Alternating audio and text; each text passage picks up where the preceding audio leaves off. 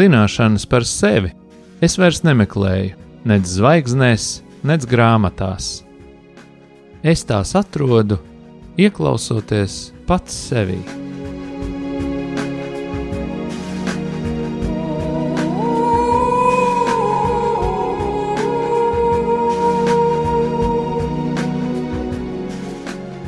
Raidījums Mīlestības terapija.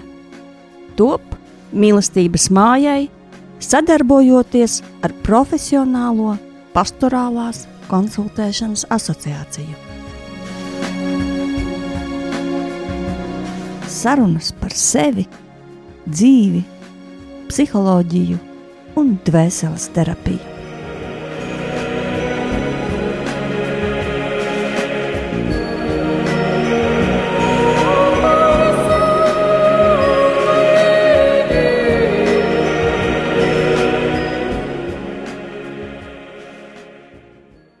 Labvakar, mīļie radio arī klausītāji! Šovakar pie jums raidījums mīlestības terapija, un šodien studijā sarunā par ciešanām, par to nozīmi, par prieku un par prieka vietu, un gal galā mīlēt sevi. Mēs daudz esam runājuši par sevis mīlestību un mīlēt otru, un kur tur ir robeža nu, mēs gribam tā šodien kopā ar kolēģi, sistēmisko terapeitu Gati parunāties par šo tēmu. Labvakar, mīļie radioklausītāji. Nu, tad mēs ar manu mīļo kolēģi Inu šeit arī par to šovakar parunāsim. Un uh, Inai jums būs arī kāds stāsts, bet um, par to sevis un citu mīlēšanu, nu, to jau kristīgi cilvēki visi zina no galvas, ja, ka uh, viss šis te Eh, sakņojās tajā teikumā no svētajiem rakstiem un arī līdzīgos teikumos, ja, mīliet savu tuvāko kā sevi pašus, un tad, ja, tad jūs piepildīsiet eh, vai, vai sasniegsiet. Un, un tā. un eh, tas, kas man parasti ir uzkritis, tad, kad es dzirdu cilvēku runājam par šo, nu, es nezinu, vai tās būtu homīlijas vai sprediķi vai kāds izsaka kaut kāds pārdoms, man vienmēr tajā ir kaut kas ļoti, ļoti pietrūcis. Un zini, kas man tur ir pietrūcis? Sina? Man tur ir pietrūcis ka kāds pateiktu, mīļie draugi, šis ir tāds pašregulējošs teksts, tas runā par savienotajiem traukiem.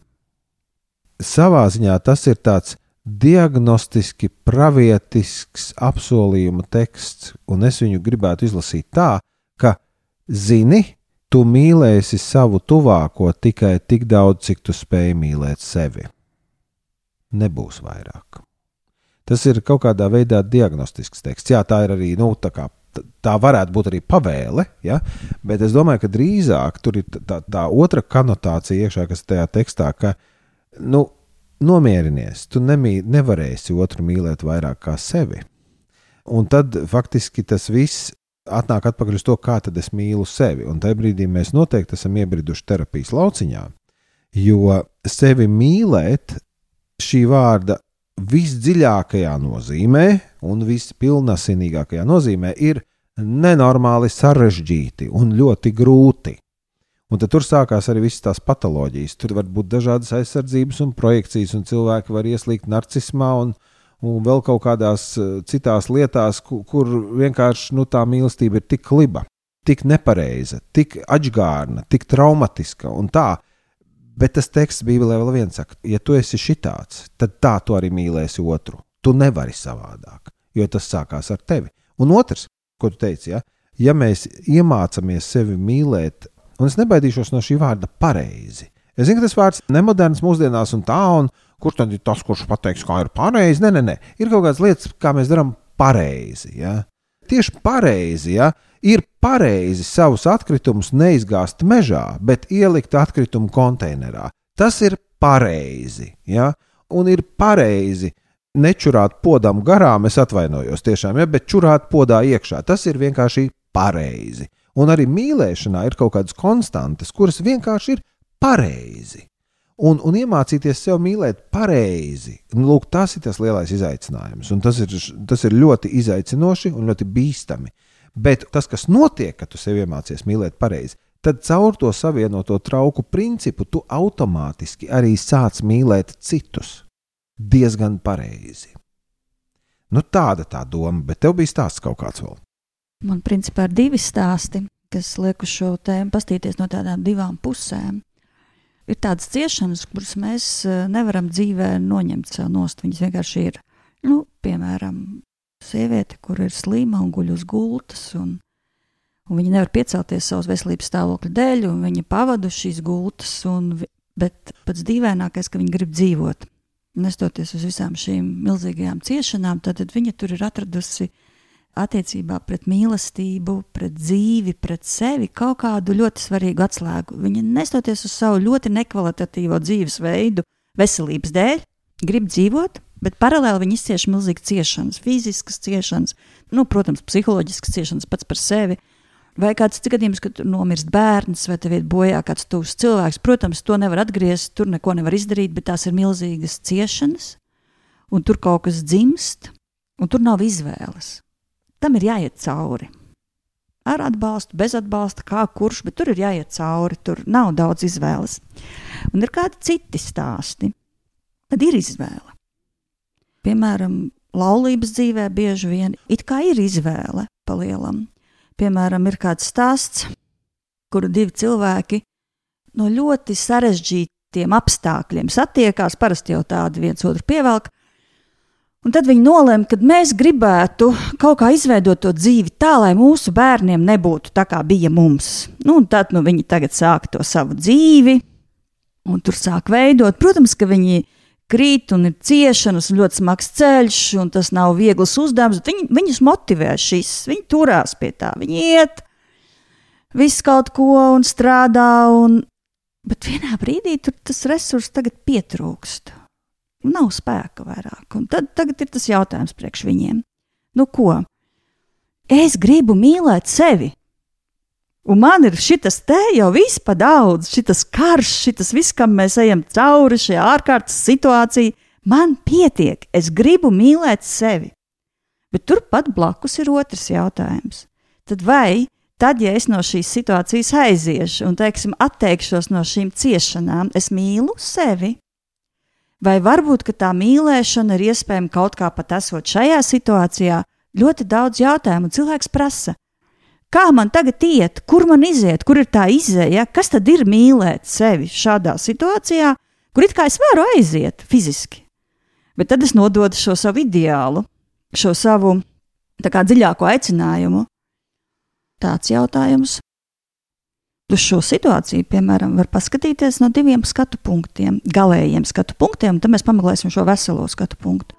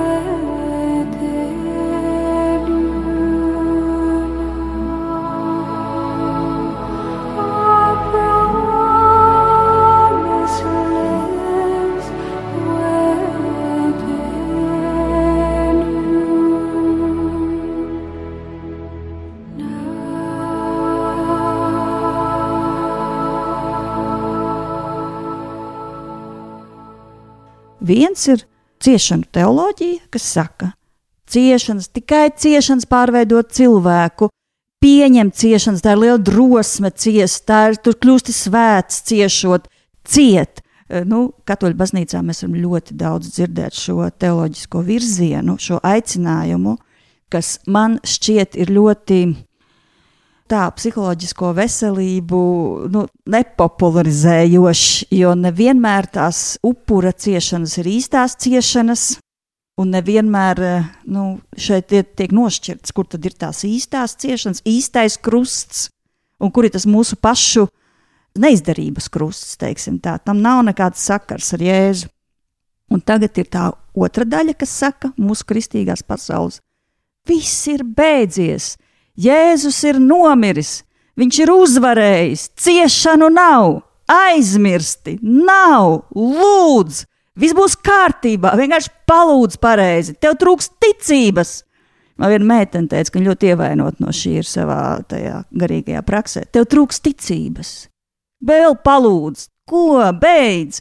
Un tad, tad šie divi grāvi Un es domāju, ka abi viņi ir par tādu psiholoģisko neveselību, tomēr neveselu skatienu uz uh, ciešanām, ciešanu praksi, uz laimi, uz labklājību, labizjūtu vai vienalga, kā mēs to varētu nosaukt. Nu, kā tev liekas, kur sāk veidoties tā veselības zona? Jā, wow, tu tā iezīmēji, ka nu tagad ej, nu sazini, kā, kā šito pusstundu atbildēt. tā, Bet uh, es domāju, ka tu jau daļai arī iekodēji atbildi tajā visā. Ja? Un nevienā no šiem eh, galiem, ko tu abi tie spektra gali, ja tāda, tāda nu, ciešana teoloģija vai arī šī te uh, labklājības teoloģija, tie ir tādi ekstrēmi, bet, bet tie nav, es domāju, izsmējami vai uzreiz noraidāmi ekstrēmi, jo kājas jau abām šīm lietām nāk no svētajiem rakstiem un tradīcijas. Ja? Nu, labi, varbūt tie, kas ir tajā ciešanu galā, viņi ir ļoti spēcīgi iekšā tradīcijā. Jo mums tur ir kristīgajā tradīcijā, tur ir pilns ar visādiem cilvēkiem, kuri ir aprakstījuši savus dvēseles tumšo nakti un ko tik visu vēl nē. Tā kā tur ir ļoti daudz tādu cietēju, pie kuriem var pieslēgties un meklēt tur atbalstu un tā. Kur pretīm šie labklājības teoloģijas cilvēki, viņi, manuprāt, ir sevi pavisam amputējuši no jebkādas bibliskās tradīcijas, tāda vārda tradīcija izpratnē. Viņiem ir kaut kāda sava ļoti fragmentēta un ļoti uz pašpalīdzību un, un, un populāro psiholoģiju vērsta teoloģija, kura tad viņiem kaut kā arī palīdz. Bet, zini, es tev atbildēšu šoreiz īsi un ļoti precīzi, bet es tev atbildēšu caur stāstu. Tas notika Kanādā, Britu Kolumbijā, un es tur pavadīju kādu laiku. Tas bija pa kaut kādiem svētkiem, kaut kas tur bija. Es tur dzīvoju kādu nedēļu pie pazīstamiem cilvēkiem. Un uh, Mēs uh, ciemojāmies ar vienu vecu vācu mācītāju, kurš bija no Vācijas un vācietis, bet nu, aizbraucis tur jau maziņš pēc kara, un tagad viņš, nu, viņš bija mācītājs un tāds. Bet viņš bija tāds ārkārtīgi slavens mācītājs. Jo tie, kas zina to geogrāfiju, nu, Britu Kolumbija ir faktiski mazā Ķīna. Ja? Vankūverā tur ir uh, pilnīgi tādi milzīgi ķīniešu rajoni, kur tu vari stundām staigāt pa ielu, un nevienu balto cilvēku uz ielas neredz, un melnos ar to neredz. Tur redz ķīniešus, viņi tur ir, jā, un, un viņš dzīvoja tā kā tajā visķīniskākajā vietā. Un eh, tās ir tādas eh, interesantas lietas, par kurām netiek runāts. Un, un es nezinu, vai mēs tā varam, bet mēs varam. Ja? Es, es vienkārši stāstu, kas ar mani notika. Es šeit ne, neatvancēju nekādas teorijas. Un ir tā, ka ķīnieši vismaz tur, Britu Kolumbijā, Vankūveras apkārtnē, viņi uz baltajiem skatās ar lielu nicinājumu. Ka Baltija ir slinki, Baltija ir izlaidušies, Baltija nav gudri, Baltija neko nevar izdarīt. Jā, mēs, ķīnieši, mēs varam. Nu, viņi ir ļoti strādīgi, viņi ir ļoti izglītoti, viņi ir ļoti mērķiecīgi un tā. Viņi baltos nicina. Daudzi. Jā, tur tā valdošā kultūra ir tāda. Un tad noticis brīnums, kad ķīniešu baznīca bija šo veco vācu mācītāju uzaicinājusi, lai tas kļūst par viņu mācītāju. Un viņš to bija izdarījis. Un tad visi apkaimes ķīnieši nāca uz šo baznīcu paskatīties, kā izskatās šis. Viņus, starp citu, mēs viņus saucam kādreiz par šķībačiem. Ziniet, kā viņi sauc? Par apaļačiem. Nopietni. Kad es to izdzirdēju, gandrīz apkritu no smiekliem. Viņi nāca no tuvienes un tālienes apskatīties uz šo apaļaču mācītāju, kurš ir gana labs, lai būtu mācītājs ķīniešu baznīcā. Ja? Nu, lūk, tas jau vien par to vīru runā ļoti labi. Jā, bet nu, viņš, protams, bija dziļš un gudrs cilvēks, un, un viņš bija jau diezgan vecs. Viņš jau, man liekas, ka 40 gadu bija kalpojis, un tagad tie ķīnieši viņu izsauca ārā no pensijas, un viņš bija tas viņa galvenais mācītājs. Un tad, kad es nonāku pie tādiem cilvēkiem, tad man vienmēr, vienmēr patīk mazliet iedraudzēties un kaut ko paprasīt viņiem. Un, un arī ar šo kungu mums iznāca tā labi iedraudzēties. Mēs kaut kā sākām runāt, un tā. Un es viņam teicu, es saku, klausies, tas baigi gudrs mācītājs. Tas visu mūžu nokalpojas. Un tu esi tagad pat kā apaļaču cilvēks uzaicināts ķīniešu baznīcā, kas ir augstākais novērtējums, kāds tur tajā rajonā vispār var būt kādam. Klausies, tu vari visu evaņģēliju un bauslību ielikt vienā vārdā, balstoties uz savu mūža pieredzi. Tu vari, es baigi gribētu šo vārdu dzirdēt. Nu, zini, viņš domāja neilgāk kā sekundes 15, 20. Pilnīgi nemainoties sevi, viņš teica, bet, protams, es teicu, klau, pasaki man to vārdu. Šis tas vārds ir līdzsvars. Tas ir tas vārds. Vienkārši turpināja ēst savu sviestmaizi tālāk. Un es tā kā ar savējo paliku pusceļā līdz, mutē, un es domāju, šito vārdu es tiešām nebiju gaidījis. Es biju gaidījis, nu, upuris tur, jā, godība tur, es nezinu, slāva tur, gaisma. Nē, es mierīgi, viņš, jā, es zinu to vārdu, tas vārds ir līdzsvars. Jā. Un es domāju, ka šajā jautājumā arī ir stāsts par šo līdzsvars. Neviens no grāvjiem nav labs. Grāvī sēdēt var apaugstēt kājas un dabūt, es nezinu, covid vai kaut ko. Vajag būt ceļa vidū. Bet redz, ceļa vidū būt ir šausmīgi grūti. Jo brīdī, kad tu sāc iet pa ceļa vidu, tad tu jūti sānu vēju, pretvēju, tev nav kur noslēpties, un plus no abiem grāvjiem pat tevi met ar akmeņiem. Jo ne tiem cietējiem, ne tiem uh, labklājības cilvēkiem tu ļoti nepatiksi, ja tu būsi tāds pa vidu, kurš mēģina tā, nu, redzēt organiski, kā tā vēsts tur sasienās kopā. Tu nebūsi viņu mīļotais cilvēks. Viņi metīs tev ar akmeņiem, un tad nu, pa ceļu vidi iet ļoti grūti. Bet, nu, redz, laikam var ļoti tālu aiziet. Jā, nu varbūt papildinot tevi, arī mēs intervējām šeit, pat mīlestības mājā, priesteru Semakulu, ka viņš bija šeit Latvijā un vadīja ļoti izcils, manuprāt, priesteris un vadīja šīs eksorcismu tādas atbrīvošanas lūkšanu konferenci nedēļas garumā. Un uh, viņš par krustu teica tā, dienā, kad viņš stāstīja par ciešanām. Viņš teica, klausies, padomā, vai tas ir tiešām krusts dievam, vai tas ir krusts par tevi, vai tas ir krusts, kuru tu piedēvē dievam, bet īstenībā tas ir tas, ko tu pats uzradi, ka tu pats uzražo, un ka tev ir ļoti jāmāk nošķirt šīs divas lietas.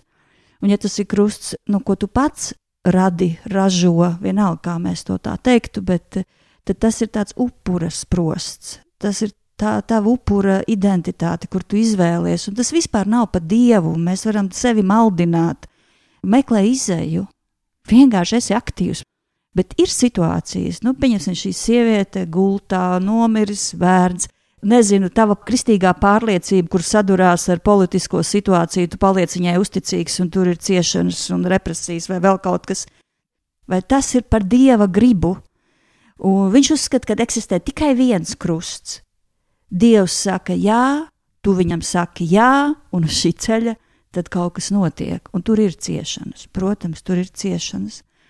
Un vai tu šīs ciešanas pieņem, vai tu ej, vai tu mirsti un, un celies un dzimsti pa jaunam, un uz šī ceļa notiek ļoti dziļa transformēšanās. Vai tu saki jā? Bet ir ļoti daudz tādi krusti pēdiņās, kur um, mēs slimību uzskatām par krustu, uh, mēs mūsu nesakārtotās attiecības uzskatām par krustu, domājot, ka tas otrs nevar pieņemt šo krustu. Patiesībā mēs varbūt paši baidamies ieskatīties sevi un atzīt to, kur mēs esam iesprūduši. Un vieglāk ir redzēt otru, protams, dabiski vieglāk redzēt otru. Un tad šis jautājums, vai šis krusts ir īsts, vai šīs ciešanas ir īstās ciešanas, kuras tev ir jācieš. Vai tomēr, esot aktīvs, tu vari atrast izēju, un es ne tikai ticu, es zinu, es vienkārši to zinu, ka bezizējas situāciju nav. Jā, tas var būt laikā, ātrāk vai vēlāk, vai kamēr tu atšķetini un kamēr tu saproti, bet bezizējas situācija nav. tajā brīdī, kad tu domā, ka tev ir bezizēja, tu jau vari paskatīties, cik daudz tu esi zem tās upura melīgā nospieduma sevī. Jā, un otrādi par labklājību runājot, es eh, priecājos. Es, es arī ticu, ka Dievs grib, lai mēs esam veseli, lai mēs esam laimīgi, lai mēs staigājam priecīgi. Bet arī citreiz nu, neempātiskā attieksme varbūt pret cilvēka ceļu vai tāda aklā attieksme, ar tādu pātagu, ka tu sāc dzīt cilvēku, esi laimīgs, esi laimīgs, esi brīvs, esi. Viņai nodara ļoti lielas sāpes, un tas vispār nav par labklājību. Tas ir par vardarbību vairāk. Un vardarbība atnes ciešanas. Kā tu vari teikt cilvēkam, nu tici, nu tici, nu tici? Nu, tā uzspiest ticība ir ļoti personisks akts, dziļi individuāls, unikāls. Tas ir ceļš, tās ir attiecības. Un, un katrs cilvēks viņas veido ļoti vienreizējā veidā. Tu nevari tā iejaukties otrā cilvēka ceļā un viņam kaut ko pavēlēt, kaut ko uzbļaut. Vienalga, vai tas ir lūkšanas vārdā vai Jēzus vārdā. Tu vari satikt otru cilvēku, tu vari izzināt, tu vari iepazīt, pajautāt, un, varbūt tad tu kļūsti par instrumentu. Vienkārši caur jautājumu, nu, lūk, caur jautājumu par šo unikālo ceļu, kurš ir tavā priekšā. Tā kā nav atbildes droši vien uz šo mūsu uzstādīto jautājumu, bet tās ir tādas norādes, pārdomas,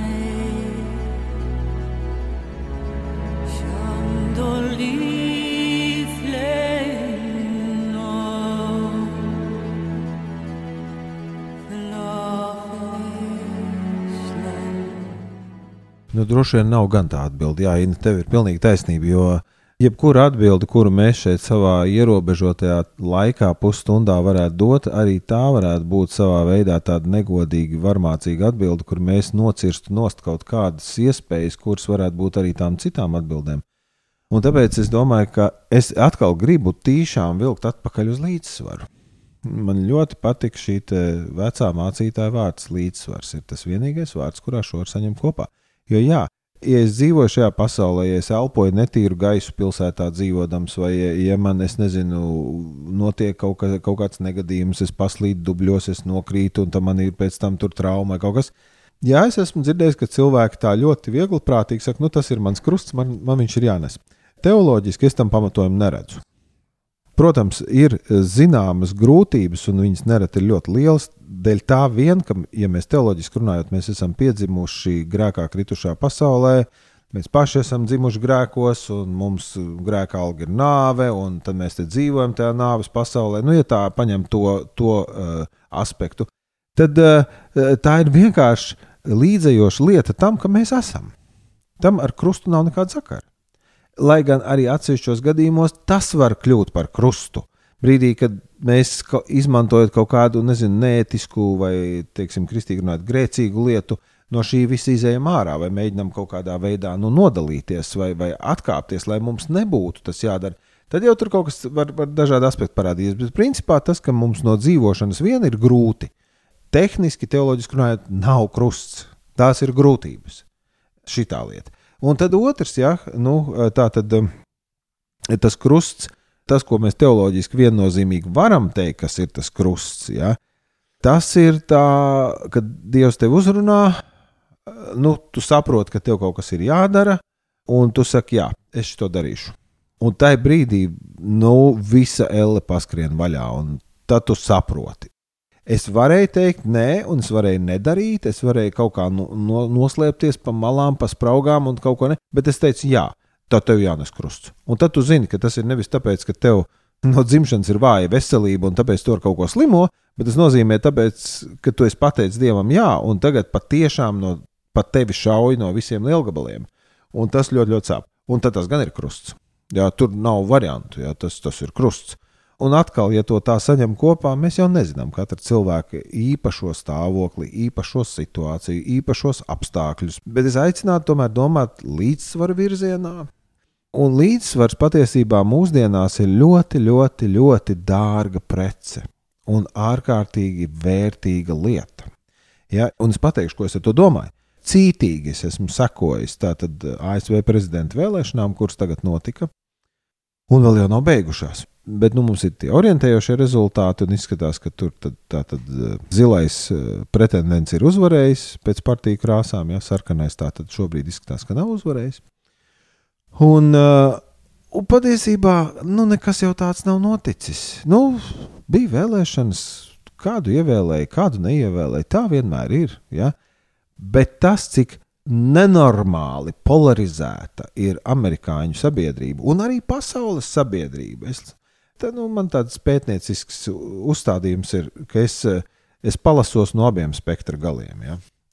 Paskatos, ko šodien par vēlēšanām saka, teiksim, kreiso neoliberāļu un marksistu mēdīju, kas pārsvarā daži lielie, un tad es paskatos, ko saka tādi nu, klasisko vērtību aizstāvji, kas ir Arī viņiem ir savi mediju kanāli un savas televīzijas. Vienkārši tās ir tādas, nu, ko, kas ir jāpameklē. Ja? Tā.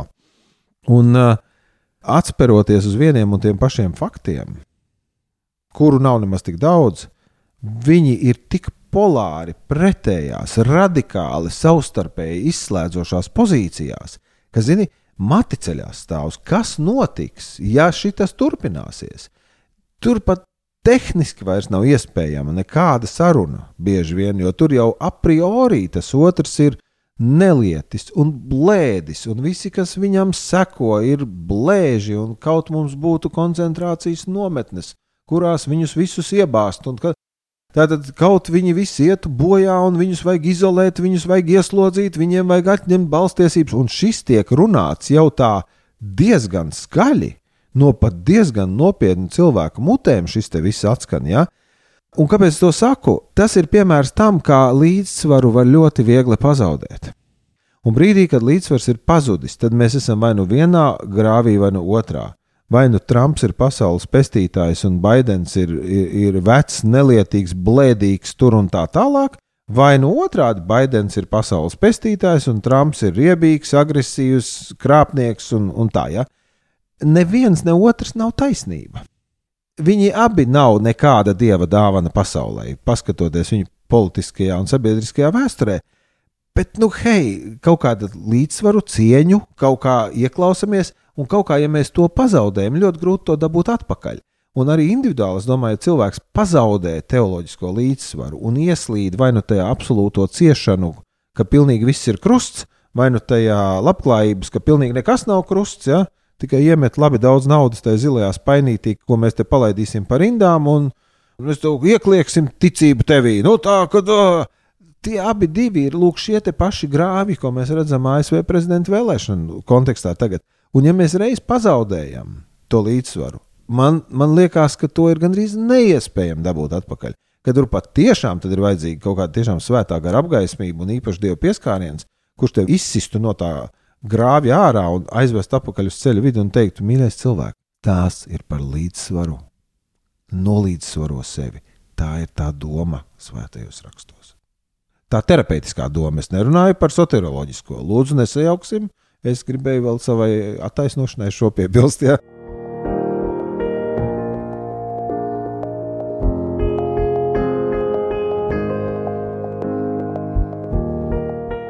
lūksim par līdzsvaru. Jā, mīļais debesu Tēvs, mēs katrs nākam Tavā priekšā ar to, kas mēs esam, ar to, kas ir mūsu rokās, ar to, kas ir mūsu sirdīs, ar to, kas ir mūsu emocijās, ar to, kas ir mūsu galvās. Tu redz, kungs, kurā jomā ir darbojas galējības un kurā jomā ir sakārtots līdzsvars. Izgaismo Tēvs ar savu svēto garu visas šīs jomas, lai mēs paši varam pazīt vietas, kur ir jāsakārto, lai šis līdzsvars atkal atgrieztos. Tāpat palīdz mums būt lepniem, sevī priecīgiem par tām jomām, kur ir šis līdzsvars, kur mēs jau esam sakārtojuši. Ar tādu, ar citu cilvēku, ar savu pašu spēku palīdzību. Es tev pateicos, Kungs, par veselību, miesā, dvēselē, garā, katrā plauktiņā. Un pateicos arī par to darbu, kas man ir jāizdara, lai sakārtotu, un par to laiku, kur tu man esi devis, lai to darītu, un par spēku, par gudrību. Un palīdz, kungs, svaidi mani ar savām svētajām eļļām, svaidi man ar savu svēto garu, lai es eju kā svaidīts tevī ietērpts, mīlēts cilvēks, sevi un kārtoju un daru to, kas man ir savas dzīves laikā jāizdara. To visu mēs lūdzam Dieva Tēva, Dēla un Svētā gara vārdā. Amen!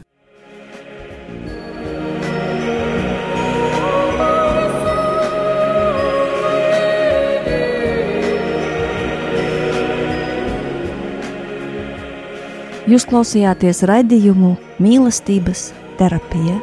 Raidījums var noklausīties Radio Marija mājaslapas arhīvā un YouTube kanālā Mīlestības māja.